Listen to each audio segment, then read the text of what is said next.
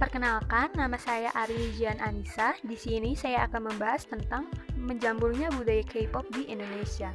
Kemunculan K-pop di Indonesia dimulai dari drama Korea yang sangat diminati oleh sebagian besar masyarakat Indonesia, khususnya remaja wanita. Tetapi tidak sedikit juga para ibu-ibu yang menyukai drama Korea. Selain itu, ada juga musik K-pop yang diminati oleh remaja putri di Indonesia. Tetapi ada juga remaja pria yang menyukai musik K-pop. Awalnya K-pop hanya menargetkan Cina dan Jepang sebagai pasarnya, tetapi lama-kelamaan berbagai negara mulai menyukai musik K-pop ini. Dan akhirnya para industri K-pop pun mulai melebarkan sayapnya ke lebih banyak negara seperti Indonesia, Vietnam, Filipina, Thailand, dan yang lainnya. Salah satu drama yang sangat terkenal yang menyebabkan drama Korea ini makin menjamur di Indonesia yaitu berjudul Full House yang diperankan oleh Rain. Dan juga dari musik K-pop yang paling sangat berpengaruh di Indonesia yaitu lagu Super Junior yang berjudul Sorry Sorry. Lagu ini menjadi lagu K-pop yang sangat digemari oleh masyarakat Indonesia yang menyebabkan lagu-lagu K-pop bisa masuk ke Indonesia. Dan juga seperti kita bisa lihat seperti bisa kita lihat, musik K-pop ini sangat menjamur, buktinya K-pop sudah sangat menjamur di Indonesia, bisa kita lihat buktinya dengan habisnya tiket yang dijual jika ada boy band atau girl band yang konser di Indonesia. Contohnya seperti BTS, Big Bang, atau yang lainnya. Tiket itu bisa terjual hanya dalam hitungan menit saja. Padahal jumlah tiket itu sangat banyak pastinya.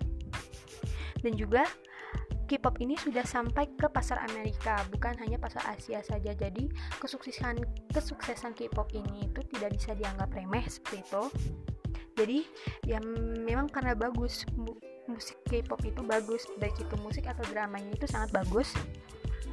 Dan juga banyak faktor mengapa K-pop bisa populer di Indonesia. Salah satunya yaitu industri entertainment mereka ini sangat rumit sistemnya ini sangat rumit yang menyebabkan uh, munculnya bibit-bibit yang bagus munculnya bibit-bibit artis yang bagus sehingga artis yang mereka keluarkan itu ya memang artis-artis yang berbobot seperti itu dan juga artis pop ini tuh menjalankan training makanya mereka bisa menjadi seperti sekarang bisa sukses sekarang bisa bertalenta seperti sekarang karena mereka sudah menjalankan training yang sangat lama bisa bertahun-tahun dan prosesnya itu sangat rumit.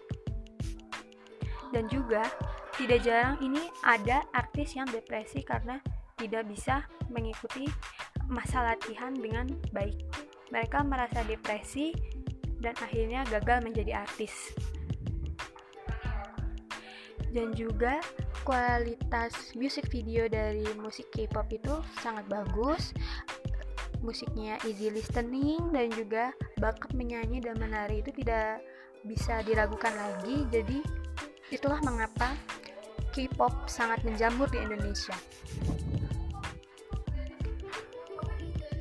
Indonesia menjadi part partisipasi aktif juga dalam festival-festival Korea baik itu di dalam negeri ataupun di luar negeri. Contohnya seperti uh, Alfiandi dan Tiffany Afifa yang menjadi juara di K-pop World Festival 2017 hal itu membuktikan bahwa Indonesia memang eksis di dunia per K-popan dampak K-pop pada generasi milenial itu seperti salah satunya yaitu banyak agensi Korea yang mulai audisi di Indonesia seperti SM dan Keep Entertainment dan juga maraknya dance cover di Indonesia dan juga munculnya boyband dan girlband seperti Smash, EXO-9, S9B dan yang lainnya.